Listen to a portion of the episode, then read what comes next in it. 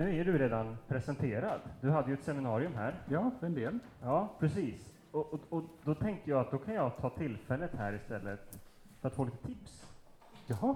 Jag vet inte hur mycket du brukar fakturera annars med sådana här samtal, men jag tänker att jag tar tillfället här framme nu. Det, det, det ingår. Det ingår, Det bra. ingår, ja. För jag, jag satt ju här frenetiskt och antecknade. Jag har inga egna barn, Nej. men nu kan jag allt. Ja. Och jag ju också fått veta att man är aldrig så bra på barnuppfostran som innan man har fått barn. Det stämmer precis. Ja. Det stämmer precis. Det stämmer precis. Och jag gifte mig för 20 dagar sedan. Oj, och jag har varit gift i 50 år. Precis, det är därför jag står här nu. Och, så det är ganska nytt, Ja. kan man säga. Eh, det, det är lite smekmånad fortfarande, lite nybilslukt. Jag har fått förstått här, alltså jag har ju fått väldigt många goda tips och Ja. tillrop här, typ det blir bättre efter de första 15 åren och sådär. Men om du, om du skulle ge ett, så här i starten, jag vet ju att till exempel med en ny bil, alltså om man sköter om den från början, va, från Ja. första milen, Ja. så håller den ju längre. Men om du skulle ge ett tips till mig, gärna något som gör att jag får lite övertag här nu, efter min... så att jag kan ta the higher ground från början. Ja. Hade varit... Då ska du nog kanske fundera på jag pratade när vi pratade om föräldraskap om olika kärleksspråk, även vi vuxna olika kärleksspråk. Och nu, om du inte redan vet ska du försöka ta reda på vad är det för kärleksspråk hon uppskattar allra mest. Så ska jag visa, ge exempel på lite olika kärleksspråk. Hennes kärleksspråk. Tack. Ja. Vill... Tack så mycket. Tack. Jag vill också tacka för det här tipset. Jag har förstått det nu, att just det, den här, den här bilden, att när hon pratar så är det bara den här problemlösningsbiten i hjärnan som går igång. Hos de flesta män, ja. Ja, Som inte har en kvinnlig hjärna. ja, det, det, så tack för den. Tack för förtroendet att få komma tillbaka hit. Jag har varit på ett sånt här läger någon gång tidigare, men det var för ett stort antal år sedan. Det känns som ett förtroende att få komma tillbaka. För er som inte var här i eftermiddag vill jag nämna då helt kort att jag har jobbat som psykolog inom skola och förskola hela mitt liv. Att jag intresserar mig för det här ämnet, hur man, får kär, hur man håller kärleken levande och hur man vårdar en vänskapsrelation, i synnerhet det första berodde på att det funkade inte särskilt bra i vårt eget äktenskap de första 10-15 åren. Jag tyckte väl inte själv att jag var så bra som han, och min fru tyckte inte det heller. Det var mest hon som tyckte då. Då blir man ju lite deppig och undrar vad är det fel för fel på mig? Är jag konstig på något sätt? Är jag speciellt svår att leva med? Men sen när jag läste lite forskningsrapporter så upptäckte jag det helt normalt. Kvinnan är ofta mycket mer missnöjd med mannen och med förhållandet än han är med henne. Känns situationen igen? Alltså, vem tjatar mest på vem? Det har ni svaret. Sen kan man läsa lite statistik också. Tror ni män och kvinnor tar initiativ till skilsmässa ungefär lika ofta? Vem gör det mest? Kvinnan i sju fall av tio. Och en man lämnar nästan aldrig en kvinna bara för att han är missnöjd med henne. Han väntar att han har träffat en ny som han tror är bättre. För det som det står redan i skapelseberättelsen, inte gott för mannen att vara alena, det visar forskning ganska mycket. Många män säger att ja, det är ingen annan, men i nästan alla fall när en man lämnar så finns det en annan kvinna med i bilden. Det här med kärlek och vänskap och relationer. Regeringen tillsatte en framtidskommission för några år sedan. De kom med en rapport som jag har glömt namnet på. Framtidskommissionen skulle ta fram vad är det för saker som våra politiker måste satsa på och prioritera för att, för att det här ska bli ett bra land att leva i. Och då konstaterade man efter att ha gått igenom en mängd olika studier att ensamhet och social, dåliga sociala relationer, det är en lika stor hälsorisk som att röka och supa. Visste ni det? Ensamhet och dåliga sociala relationer, en lika stor hälsorisk, förkortar vårt liv lika mycket som att röka och supa. Och ensamhet och dåliga sociala relationer är en större hälsorisk än fetma, övervikt och stillasittande. Men det kommer nästan aldrig fram i debatten. Att bli förälskad är ingen konst. Det blir man bara. Men att hålla kärleken levande när förälskelsen gått över, det är en konst. Finns det en hel del kunskap. Jag är psykolog och jag är kristen och av någon anledning, det finns många kristna läkare, socialarbetare, sjuksköterskor, men det har i alla fall inte tidigare funnits särskilt många kristna psykologer. Men det känns väldigt bra att vara en kristen psykolog, för ju mer vi upptäcker mänskliga relationer, äktenskap och samlevnad och vänskap, desto mer upptäcker man att den här kristna etiken är vettig och bra. Jag ska försöka koppla både till kristen etik och till, till den forskning som finns. Jag är så gammal så när jag var liten så läste man sagor om prinsen och prinsessan och det slutade ofta med att sen levde de lyckliga alla sina dagar. Är det några mer som är så gamla som ni hört sådana sagor? Ja. Den drömmen finns fortfarande kvar trots att så många förhållanden spricker.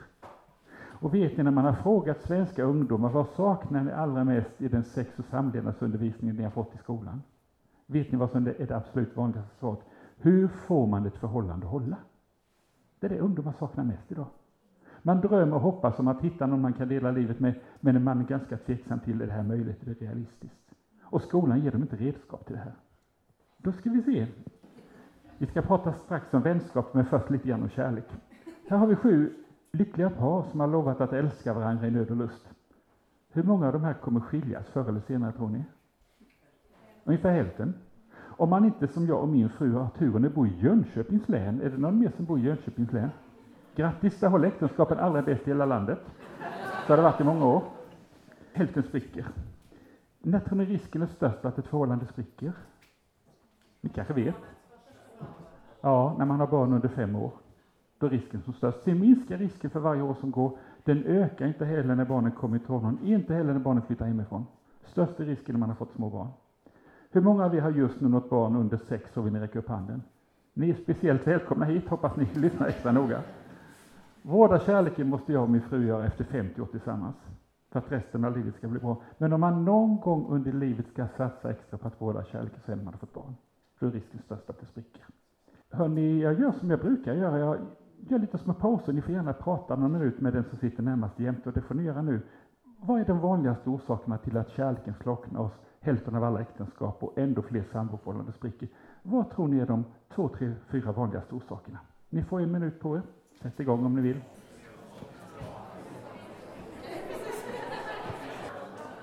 Ja, jag vill inte ha några långa redogörelser, men kanske några av er bara med ett eller ett par ord kan ge något, någon förklaring till varför så många förhållanden spricker. Vad har ni sagt?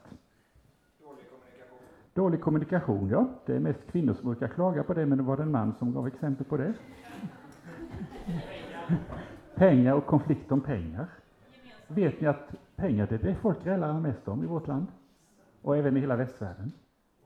Min fru växte upp väldigt fattigt som pastorsbarn inom pingströrelsen och tänkte, gifter man sig med en akademiker, då gifter man sig rikt, trodde hon. Tills hon upptäckte att hon hade gift sig med en ekonomisk smålänning, som tyckte att det mesta antingen var det för dyrt eller så var det onödigt. Vi har tyckt olika om pengar i 40 år. Vi grälar inte längre, för jag inser att det går inte att övertala henne att det är bättre att spara än att shoppa loss. Hon älskar att handla, det värsta jag vet. Och jag går aldrig och handlar om jag inte innan vet att jag behöver en speciell grej. Men minst en gång i månaden i alla år har hon åkt 12 mil fram och tillbaka till Jönköping för att se om hon behöver något. Jag säger, du borde väl veta innan du åker dit? Det upptäcker jag när jag kommer dit, säger hon. Jag har alltid tyckt att jag haft en konstig fru, men många säger att det är ett helt normalt kvinnligt köpbeteende. Så jag börjar acceptera det. Ja, det var dålig kommunikation, konflikt om pengar. Vad var det mer ni sa? För lite gemensam tid, ja. Ni som jobbar i karriären och tränar och engagerade i kyrkan, när har ni tid för varandra? När har ni tid att vårda kärleken egentligen? En gång om året. Jaha? Nej.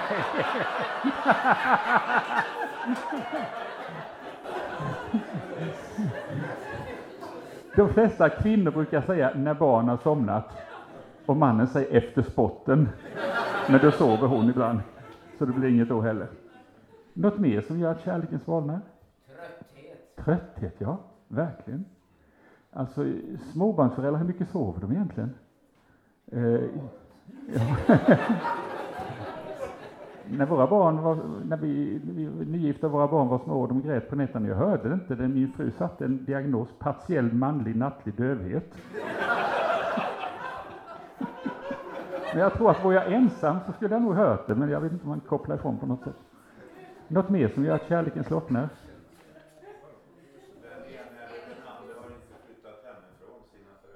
Och inte klippt av navelsträngen, nej. nej. Om det blir problem med svärmor, svärmors problem, är det mest hans mamma eller hennes mamma det blir problem med? Hans mamma, säger en massa kvinnor. Och så brukar det vara. Ja.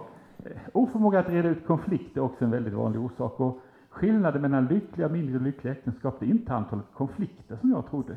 Det är förmågan att reda ut konflikterna. Det farliga, det värsta är inte att, vi, att det uppstår konflikter, det värsta är att vi är så dåliga på att reda ut det så det blir många gånger värre. Jag ska se vad ni säger. Jag ska spela ett litet drama. Var har vi Gunilla någonstans? Innan eh, i eftermiddag så spelar hon en mesig curlingmamma. Nu ska jag vara en bitchig fru till mig.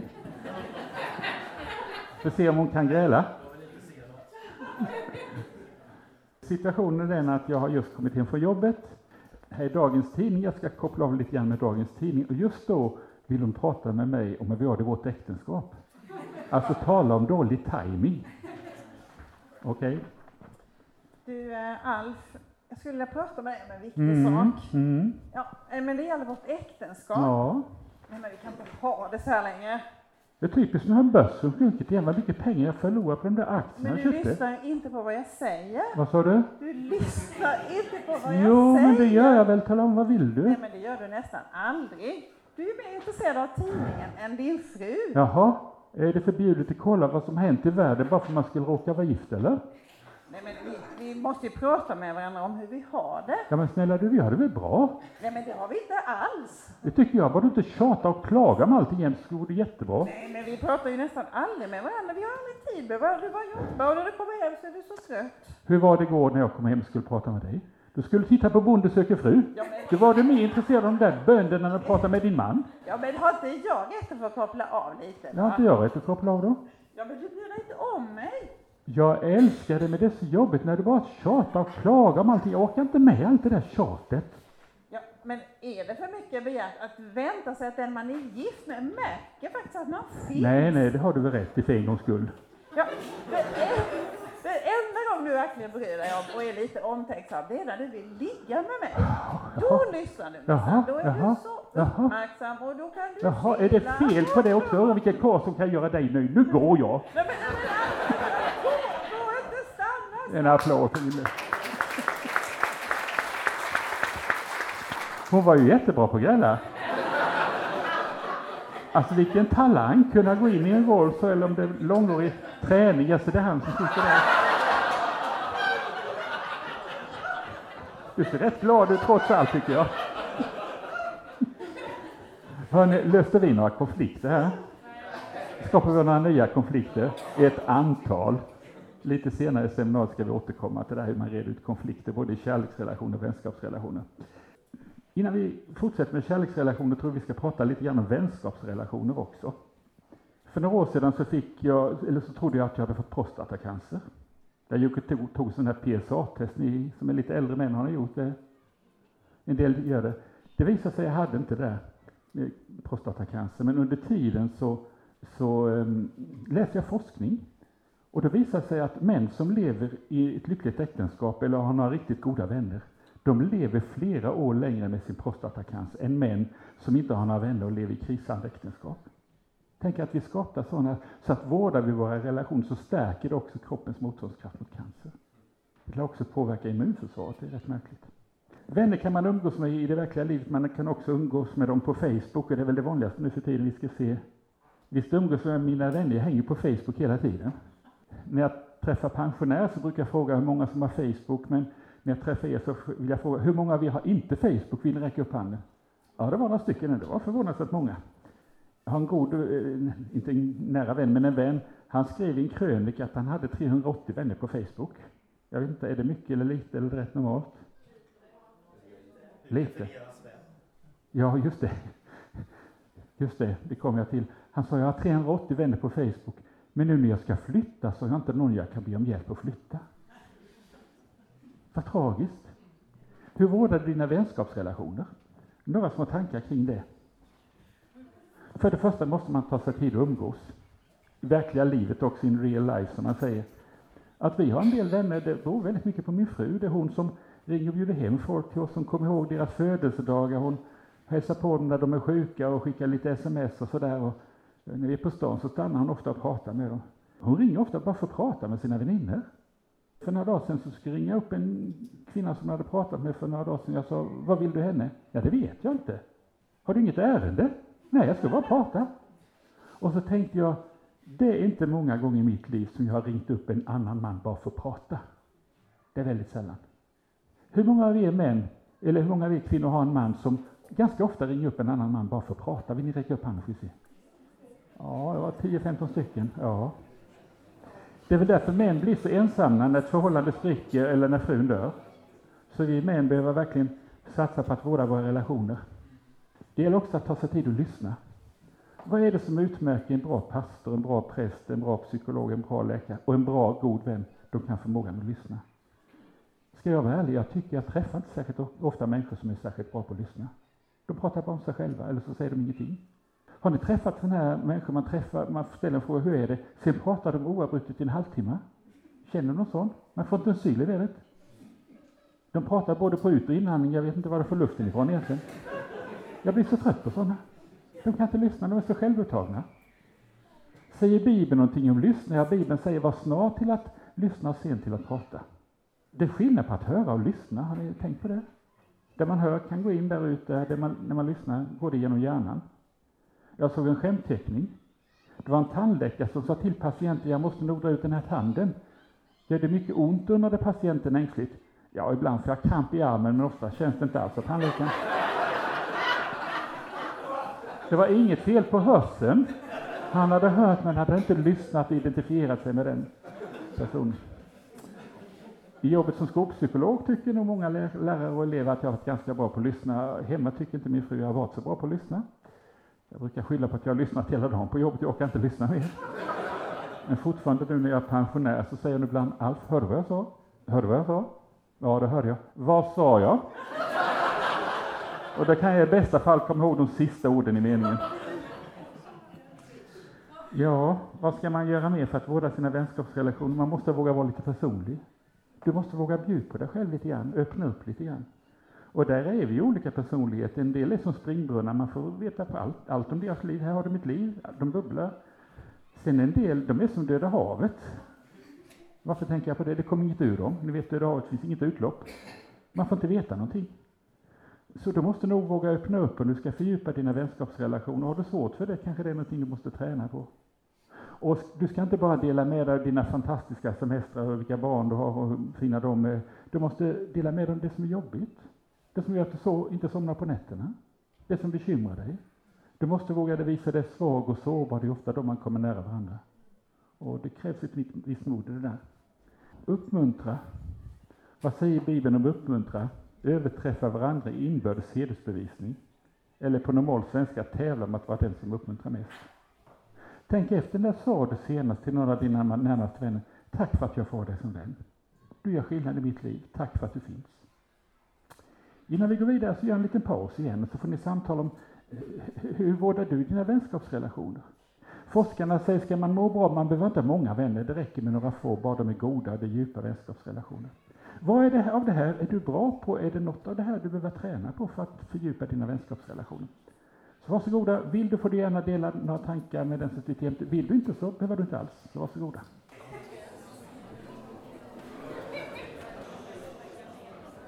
Läser man lite gammal forskning om samlevnad och relation så pratar man mycket om att det är viktigt att kunna kommunicera, att kunna hantera konflikt, att man har vissa gemensamma intressen. Läser man nyare forskning så, så, så talar man mycket om ett begrepp som på engelska heter commitment. Jag vet inte om du har stött på det, commitment. Commitment, ska man översätta det till kärleksrelation, att man satsar helhjärtat på att det ska hålla hela livet. Det är ingen garanti för att det håller, men chansen är mycket större.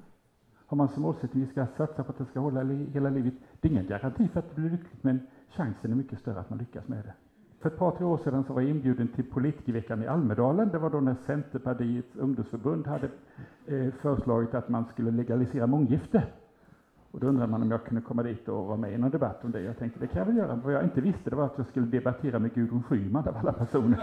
Så jag höll på att ta vändande båten hem. Jag var ganska nervös innan, men jag stod nog alla ronder. Vi var överens om att kärleken är det största och finaste och viktigaste i livet. Det tyckte hon också. Men det här med att gifta sig, lova och ha som mål att det ska hålla hela livet, det är orealistiskt. Hon sa det är en snuttefilt som man bara tröstar sig med. Men jag protesterade och sa att har man som målsättning att det ska hålla hela livet så är chansen betydligt större. Hälften av alla äktenskap håller och en hel del samboförhållanden. Och en del är riktigt lyckliga. Och det är precis överensstämmer med den kristna etiken, Guds tanke redan från början, det är att det ska hålla livet ut. Nu gör det inte alltid det. Eh, jag får hjälpa en del kristna par att gå isär, jag får hjälpa fler att hålla ihop, men jag får hjälpa en del att gå isär också, för att det funkar inte. Ibland kan man ju gifta med en person med någon personlighetsstörning, eller det är misshandel och missbruk och sådana saker. Jag har fått ärva lite aktier Och man får ju ingen ränta på banken, så jag har läst, läst lite grann hur ska man göra när man ska, om man ska bli rik på aktier, hur ska man investera där? Och sen har jag upptäckt att man ska använda precis samma investeringsprinciper när man ska satsa på kärleken. För att vårda antingen en kärleksrelation eller en vänskapsrelation. Ni kanske har fullt, fullt upp med att avbetala alla lån på bil och hus och allt sånt där. Är det någon som vet lite grann hur man ska investera i aktier för att man ska bli rik på det? Ja, och jag har några, några investeringsprinciper här som gäller också kärlek och vänskapsrelationer. Det är som aktier, ju mer du investerar desto mer får du tillbaka på lång sikt om du satsar brett på olika aktier. Det är likadant med kärleken. Inte alltid, men i de allra flesta fall, ju mer du satsar och investerar på att ditt äktenskap, ditt förhållande, din vänskapsrelation ska hålla och fördjupas, desto mer får du förmodligen tillbaka. Satsar du att vårda kärleken i ditt äktenskap bara mellan 10 och 11 på fredagskvällen så kanske det inte blir så mycket av det. Man ska göra regelbundna investeringar, säger man, när man ska satsa på aktier. Rådgivarna säger sätt av några hundra varje månad på, på, på, ett, på ett aktiekonto oavsett om det går upp eller ner. Det, det, är bättre än att tänka nu är det nog köpläge, nu köper jag en stor post aktier så kanske börsen rasar. Det är likadant när det gäller kärleken, att små enkla vardagliga bevis på kärlek, uppskattning och omtänksamhet betyder mycket mer än en dyr kärlekssemester till Thailand vartannat år. Tänk på det. Jag har försökt analysera varför går det ibland upp med kärleken och ibland ner i, vår, i vårt äktenskap. Det är små saker som jag eller Kerstin Seil gör som tar bara några sekunder att säga. Vad jag älskar dig, vad du är vacker, vad du betyder mycket för mig. När min fru säger att jag kan leva på en vecka. Tänk bara några spydiga kommentarer. Ja, det är typiskt för dig, du kan inte hålla honom på någon tid. Tänk vad det förstör. Så det tar inte alltid så mycket tid på att vårda kärleken. Det, det är normalt att det går upp och ner på börsen. Det har det alltid gjort. Det kommer det alltid att göra. Jag vill också påstå, säger även till den nygifta paret, det är normalt att det går upp och ner. Har det inte, ni som har varit ihop några år, har det inte gått upp och ner för er också eller? Är det någon där det gått uppåt hela tiden? Det var någon kyrkoherde här, är det kanske? Nej, han skakar på huvudet och frun skakar ännu mer. Nej, det gjorde inte. Har det gått uppåt hela tiden, då har ni bara varit ihop ett halvår. Då är ni kvar i förälskelsefasen och är drogade och, och ser på er partner, er partner med rosenfärgade glasögon.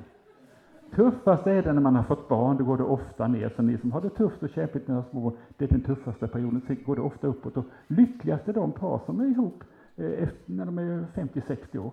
Det går uppåt sedan, i de allra flesta fall. Yes. när kursen går ner på börsen, då, ska man, då får man ofta inte rådet, sitt still i båten, ha is i magen, behåll det du har, du kanske ska investera ännu mer. Det är likadant i kärleksrelationer, känslorna svalnar och i vänskapsrelationer också, när vänskapen svalnar. Den bästa strategin är inte om man är gift att tänka, det finns någon annan som jag passar bättre ihop, men den där kvinnan på jobbet, hon verkar ju läcker och bra. Eh, det är bättre att försöka investera på att satsa på att få det att vända. Läser man statistik som jag har gjort så visar det sig att gifter man sig första gången så spricker 40 procent. Gifter man om sig, en del får det bättre, men 60 procent spricker om man gifter om sig. Gifter man om sig en tredje gång så spricker nästan 70 procent. Så ju mer man skiljer sig, desto mer skiljer man sig. Därmed inte sagt att man ska hålla ihop till varje pris. När jag var ung och vi hade ganska tufft så tyckte jag ibland att gräset verkade gröna på andra sidan staketet. Och sitter du här som kanske tänker det eller kommer att tänka det, gräset verkar gröna på andra sidan staketet, så vill jag säga Tycker du gräset är gröna på andra sidan staketet så beror det nog på att du inte har vattnat din egen gräsmatta. Det är kanske är bättre att gå hem och vattna än att hoppa över. Det var en kvinna som sa för ett tag sedan, jag gifte mig och träffade en ny man. Nu har jag samma problem som jag hade innan, men jag har det med en ny karl. Så det var inte så mycket vunnet med det, tyckte hon. Undersök inte varje dag vilken avkastning du har fått. Alltså på aktier ska man inte tänka, ja nu köpte den för 600 så var det värd 590 månader sen. Du ska tänka långsiktigt. Så det är också när det gäller kärlek och vänskapsrelationer. Tänk, tänk långsiktigt, undersök inte varje dag hur mycket avkastning du har fått. Jag gifte mig på 60-talet, ung radikal, var ganska mån det skulle vara jämställt, men jag tolkade det som så att jag ska inte ge mer än jag får tillbaka. Så jag började räkna poäng. Jag räknade hur mycket jag gav och räknade hur mycket jag fick tillbaka. Och jag är ganska säker på att jag räknade fel, för jag tyckte jag gav mycket mer än jag fick tillbaka, men jag tror inte det var så. Sen upptäckte jag att att räkna poäng, se till att det blir rättvist, att det inte ge mer än man får tillbaka, det har ingenting med kärlek att göra. Att älska det, att ibland vara beredd att ge lite mer än man får tillbaka just då.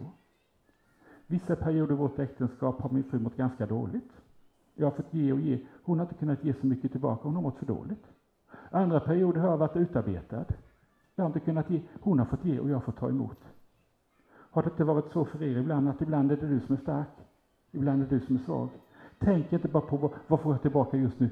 Tänk långsiktigt. Ju mer du ger, i de flesta fall, får man mer tillbaka.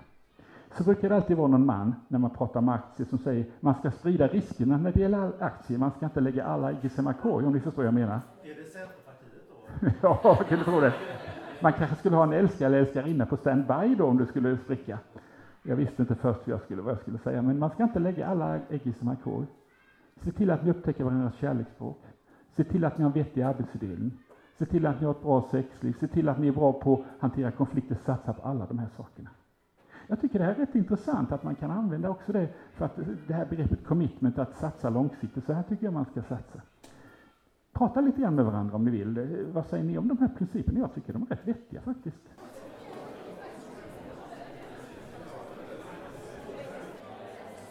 Ja, älskar du mig? Ja, det har jag sagt. Ändra mig så säger jag till. Jag tror att ni alla vet att gräl och tjafs och bråk och tjat och konflikter får känslorna att svalna. Jag är inte säker på att du är medveten om att om ni tar varandra för givet i kärleksrelation eller i en vänskapsrelation, om ni aldrig visar att ni tycker om varandra, så ligger inte kärleken, vänskapen kvar på samma nivå. Den svalnar sakta men säkert. Men motsatsen gäller också som tur är. Jag vet inte hur jag upptäckt det. Jag har upptäckt när jag visar att jag älskar min fru, så växer inte bara hennes kärlek till mig, min egen kärlek till henne växer också. Någon mer som upptäckt det? Det var därför Jesus sa inte älska varandra när ni känner för det. Älska varandra det känns så. Ett nytt bud ger att ni ska älska varandra. Att älska och vänskap har inte bara med känslor att göra, det är att fatta ett beslut att kunna göra den andra människan lycklig. Det talas mycket om jämställdhet. Det är bra, men det räcker inte. Bibeln talar om ömsesidigt underordnande. Underordna varandra i vördnad för Kristus. Många har, har misstolkat det här uttrycket i Bibeln som tolkat det som underkastelse. Och som man tolkat det som, om du säger det och jag vill det och ja, då gör, vi det som du vill för husfridens skull. Det är underkastelse. Underordnande är ett helt annat. Jag vill detta, du vill detta. Jag älskar dig, så därför försöker tycker jag, gör vi som du säger. Och finns det ett ömsesidigt underordnande så är chanserna väldigt stora att det ska funka. Men är det, sån där bara jämställdhetstänkande, rättvisetänkande, det ska vara precis rättvist. Jag ska minsann inte städa mer än du och allt annat sånt där. Då, det är inte särskilt bra, det är inte särskilt fruktbart. Ni känner säkert till det här med kärlekens olika språk. Det finns ju böcker om det, jag vet inte, det kanske fanns en bok här nere om det också, annars kan man köpa det. Ja. En av kärlekens språk är uppmuntrande ord, vad jag älskar dig, vad du är vacker, vad du betyder mycket för mig. För andra så kanske tid för varandra. Eh, ett viktigare kärleksspråk att man har tid att göra saker tillsammans, att man gör roliga saker. Så det är inte bara jobbet och träningarna och kyrkan, utan man faktiskt har roligt tillsammans. Tredje kärleksbevis är det här med gåvor och presenter. Jag har inte varit så mycket för att köpa grejer och sådär. Och så jag tänker man kan visa sin kärlek ändå utan att köpa en massa grejer till frun. Men eh, hon har ju växt upp väldigt fattigt och jag fattade ju att det här är ett kärleksspråk, förstod jag så småningom. Jag måste bli bättre på det här. Och hon älskar blommor och så upptäckte jag för ett antal år sedan att i januari och december så kan man köpa 10 tulpaner på ICA för 49,90. 4,90 styck, det var inte farligt. Så jag köpte en bukett och hon blev jätteglad. Och när jag såg hur glad hon blev så tänkte jag det här måste jag göra om. Så nästa fredag kommer jag med en likadan bukett och nästa med en likadan och nästa med en likadan. Hon blev glad varje gång hon fick en bukett, men det klingade av lite grann för varje, varje bukett hon fick. Och, och jag sa till slut, vill du inte ha några blommor? Ja, men jag skulle vilja att du överraskar mig någon gång, sa hon. Ja, vadå överraska? Ja, det är så förutsägbart. Varje fredag kommer det samma tulpaner från Ica. Det är inget överraskningsmoment. Har jag fel, men ibland har jag en känsla av att ni kvinnor är lite mer måna om överraskningar än vi män. Är det inte så? Jag har en känsla av det. Så jag tänkte jag måste överraska henne, men det glömde jag ju bort. Det gick nog ett halvår. Jag kom på det när jag skulle tanka bilen på Statoil. Då såg jag, då stod det inte i kassan en sån där spann med, blommor där som det ibland. Så jag tänkte nu ska jag överraska henne. Så en helt vanlig måndag i oktober, november så kom jag hem och sa, här ska du få Kerstin, jag älskar dig. Har du köpt dem på Statoil?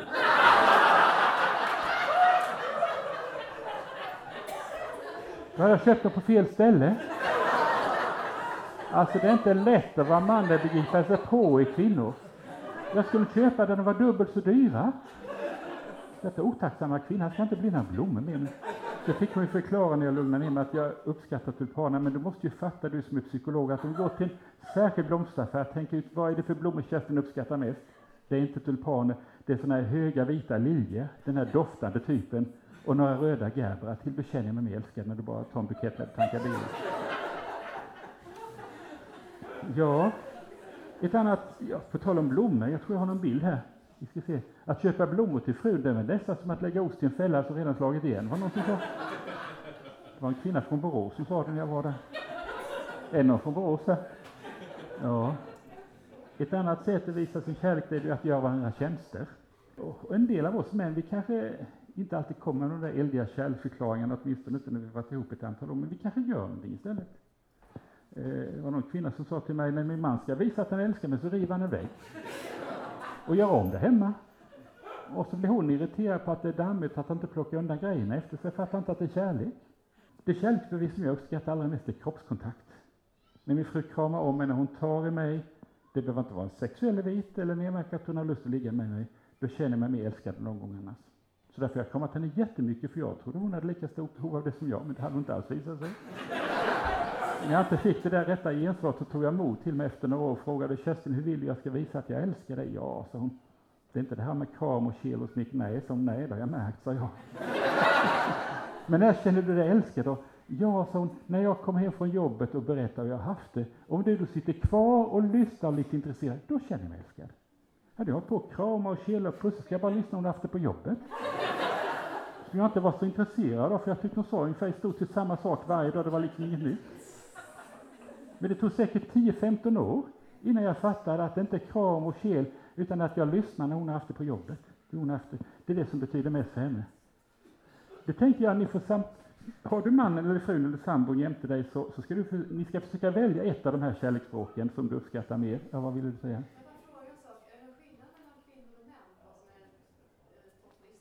Ja, vi kan ju göra en liten statistik sedan. Men ni har gissat. Eh, har, du inte din, har du ingen partner överhuvudtaget så får du smyglyssna på de andra, vad de säger. Men bestäm er för en av de här kärleksspråken. Sen ska du som har din man eller fru jämte dig, ska du försöka gissa vad han eller hon har valt och sen byts ni vid, får vi se om du gissar rätt. Varsågoda.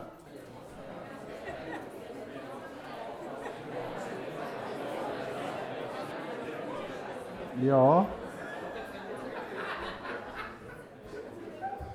Jag tänkte jag skulle bara kolla på ett av de här kärleksspråken. Nu frågar jag alla män.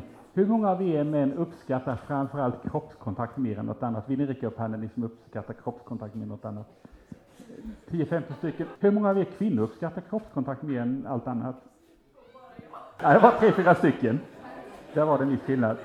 När jag vill kela så... Ja, vi glömmer det. Jag glömmer det. Ja, det var inget grovt, men jag kommer inte på riktigt poängen. Det bör man komma ihåg. När folk gifter sig i kyrkan så läser prästen ibland ett avsnitt i Bibeln i Korinthierbrevet 13 där det står hur kärleken är. Kärleken är, vad är det som står först? Tålmodig och god. Tålig och mild eller tålmodig och god. Så när Bibeln ska beskriva hur kärleken tar sig uttryck så är tålamod det första saken som Bibeln känner. Tålamod kan vara en temperamentssak. En del har bra temperamentsgrej, en del har bra tålamod, en del har lite sämre tålamod. Men tålamodet är också uttryck för kärlek. Ni som har barn som kanske är lite jobbiga, varför älskar ni dem överallt? Trots att de är lite, varför har ni sån tålamod med dem trots att de är jobbiga? Jo, ni älskar dem överallt. Om du på allvar menar att du älskar din man, din fru, eller du tycker väldigt mycket om din, en god vän, då så har du ett visst mått av tålamod med hans eller hennes svagheter och brister. Jag tror jag behåller min man, det är för jobbigt att lära upp en ny, var det en kvinna som sa till mig. Hörni, en del saker får man lära sig att leva med, har ni upptäckt det? En del saker kan och bör man och måste man slipa av, later och olater, grejer personligt, men en del saker kan man inte göra så mycket åt, har ni upptäckt det? Min fru har upptäckt när det gäller mig, han är sån. Och på vissa punkter har jag upptäckt, hon är sån. Det liksom ingår i köpet. Det är liksom ingen idé att tjafsa om, det blir bara värre. Och vissa saker som jag innan har irriterat mig på har jag bara accepterat. Hon är sån och jag blir inte längre irriterad. En sån där sak, hon är inte slarvig men hon gör aldrig saker riktigt färdigt med en gång. När jag dukar av från bordet ställer hon det på diskbänken först några timmar senare nästa dag åker den i diskmaskin. Det är väl lika bra att ställa ner det med en gång. Och skräppåsen ställer hon precis i hallen istället för att gå ut och lägga det i tunnan. Och jag har varit så irriterad, men nu gör jag det utan att vara irriterad. Gå ut med den där påsen och se det som ett kärleksbevis. Så en del saker får man lära sig att leva med. Man ska inte acceptera att bli kränkt, misshandlad och förnedrad och allt det där, givetvis inte, men en del saker måste man lära sig att leva med. Ni verkar så öppna och frimodiga, så jag tror jag gör en liten paus här. Och så kan, du- kan du vända dig mot din man eller fru eller någon annan och säga, vad har, du, vad har du fått lära dig att leva med hos din man eller hos din partner eller hos din vän? Han är sån.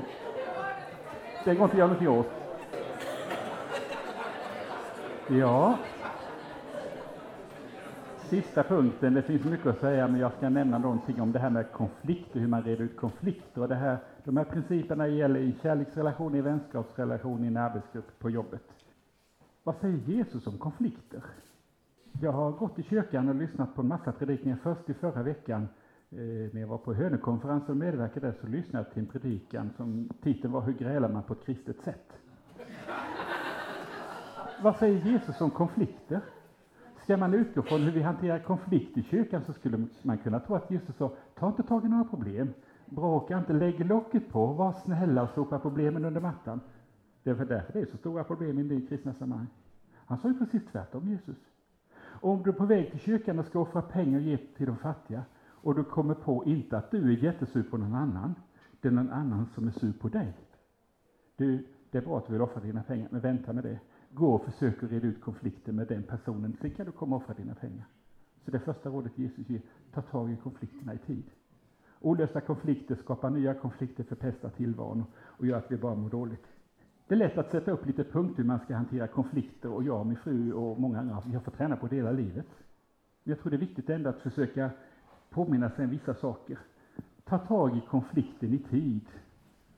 Att bara lägga locket på löser inga problem, det skapar bara ännu större problem.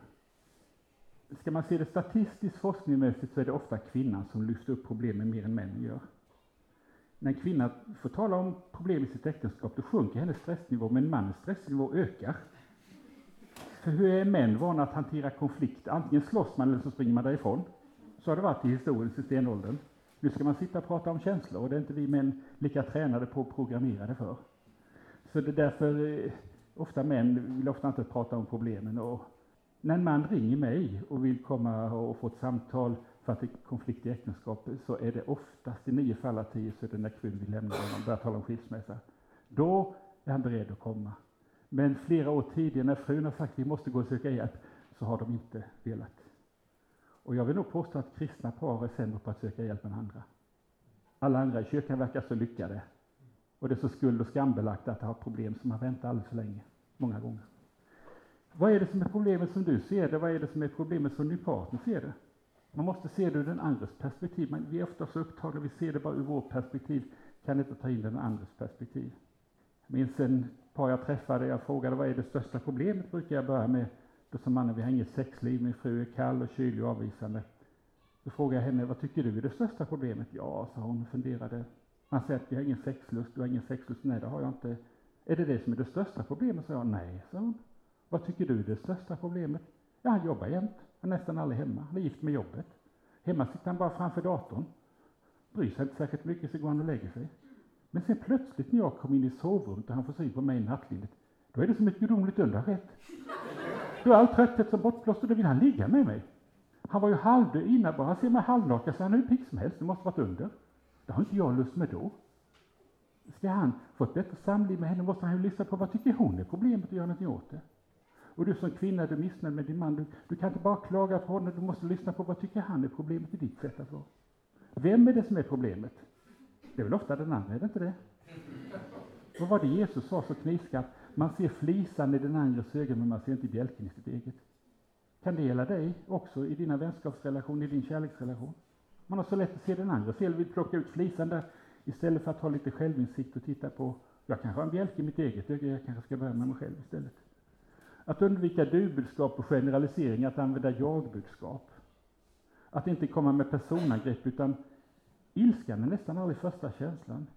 Innan du blir arg har du varit ledsen, sårad, besviken. Dyk ner under ytan och tala om vad du är ledsen för, vad du är sårad, vad du är besviken för, istället för att anklaga den andra. Lyssna, respektera, försök att förstå.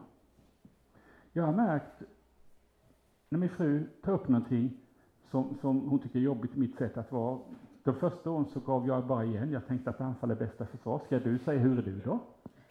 Det löser inga problem, det blir bara värre. Det fattade jag inte, trots att jag var psykolog. Ja, så sa jag, du ska alltid förstora och överdriva allting som, som man lätt gör. Nu har jag märkt att när hon är besviken på mig, irriterad, det är inte lika ofta som tur är nu som innan. När jag visar att jag, för, Kerstin, jag förstår att du blir ledsen. Kerstin, jag förstår att du blir irriterad på det här, att, att det är jobbigt. Förlåt men jag ska försöka jobba med det. När jag har visat att jag har förstått hur hon känner det och respekterat, att du har rätt att känna som du gör, så är nästan mer än halva problemet ur världen. Faktiskt. Testa får du se. Ge inte igen. Det har man upptäckt i, i förhållande, äktenskap och vänskapsrelation där man alltid ger igen. Ska du säga hur är du då? Och du då? som man hela tiden trappar upp det, då är, är risken för skilsmässa väldigt stor. Bli inte historisk. Har du varit med om det? Man börjar med det som just har hänt och efter en halvtimme är man inne på det som hände för flera år sedan. Har ni också varit med om det? Inte bara jag då? Vad började vi gräla om egentligen? Man är flera år tillbaka i tiden. Och det bara förvärrar problemen. Eh, I vårt land så finns det något som heter preskriptionstid om man begår ett brott mot Svea rikes lag. Brottet preskriberas efter några år. Vi kanske skulle ha en viss preskriptionstid i våra kärleksrelationer också, inte dra upp en massa gammalt. Men om det ändå finns där och det ligger och skaver och, och, och förpestar tillvaron, då ska man söka hjälp. Och som sagt var, många som söker familjerådgivning, inte alla men många som säger det här var ju bra, varför kom vi inte innan? Kompromissa. Forskarna som har studerat det här säger att i ett äktenskap hälften av alla konflikter går inte att lösa. Och man med lösa menar att man ska tycka lika, vilja samma sak. Jag tyckte det var väldigt befriande att alla går inte att lösa om man menar att man ska tycka lika, vilja lika. Jag och min fru vi har det väldigt bra men vi tycker olika. Hon älskar att shoppa, det värsta jag vet. Hon vill bo på stan, jag vill bo på landet. Eh, hon vill semestra utomlands, jag vill semestra i Sverige. Hon vill träffa jättemycket folk, jag blir trött eh, efter ett par timmar. Men då har vi det bra, för vi försöker hitta lösningar. Vi bor på landet och åker ofta till stan. Jag följer med utomlands en eller två gånger om året, sen åker någon gång själv också. Och vi försöker hitta en kompromiss när det gäller hur mycket vänner vi ska umgås med. Hörni, innan vi avrundar den här samlingen, ta några minuter om du vill och samtala med dem som sitter närmast jämte. Vad, vad är du bra på av det här och har du blivit bättre på någonting av det här med åren eller? Varsågoda.